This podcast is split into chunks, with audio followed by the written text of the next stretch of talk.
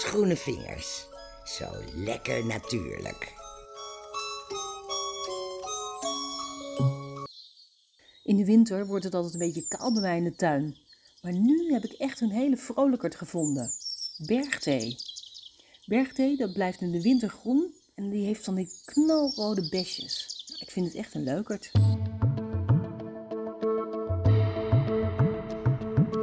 Oorspronkelijk groeit de plant in de Verenigde Staten, Canada, China en Nepal. Zachtjes stikt de regen op mijn zolderraam. Ritme van de eenzaamheid. Het heeft de afgelopen weken eindeloos geregend, maar dat vindt bergthee heel lekker. Die houdt wel van natte voeten. Maar hij houdt ook van licht, dus zet hem op een lekkere zonnige plek.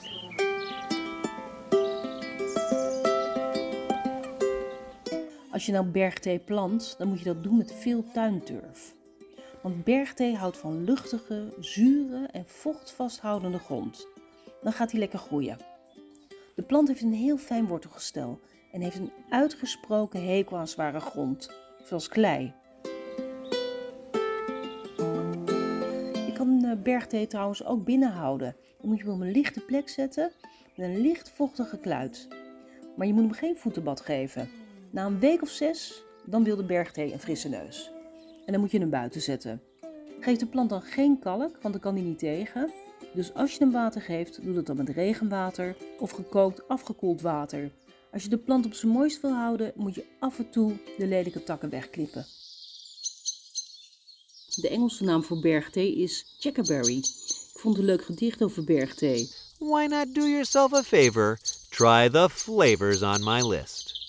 Coca mocha macaroni, tapioca smoked bologna, checkerberry cheddar chew, chicken cherry honeydew.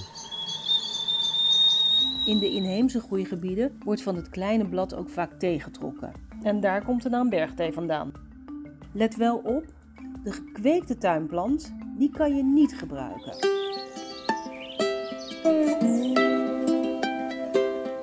Met bergthee is het echt nooit saai. In het voorjaar vormt de plant mooie, nieuwe, frisse groene blaadjes. En in de zomer komen er kleine of licht roze bloemetjes aan, met een sprookjesachtige klokjesvorm. De grootte is niet zo heel spectaculair, maar ze geven bergthee toch weer een heel nieuw uiterlijk. En die bloemen die worden aan het eind van de zomer die kenmerkende besjes.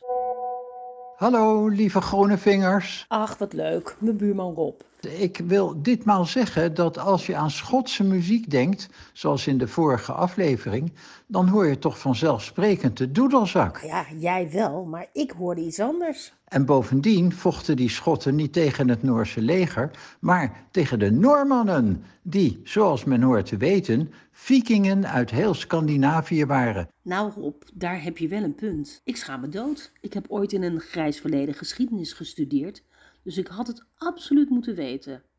Fijn dat jij me scherp houdt.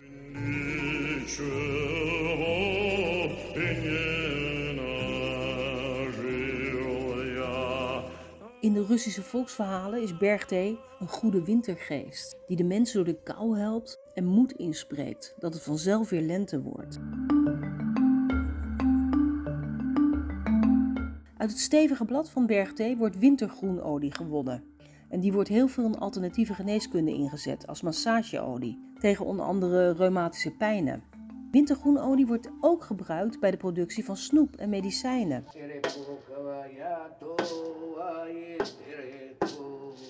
De oorspronkelijke bewoners van Noord-Amerika, de Indianen, die maakten heel veel gebruik van bergthee. Ze gebruikten het bij rugpijn. Het werkt ook bij koorts en hoofdpijn. Ik ga nog even een kopje bergthee zetten. Tot de volgende keer.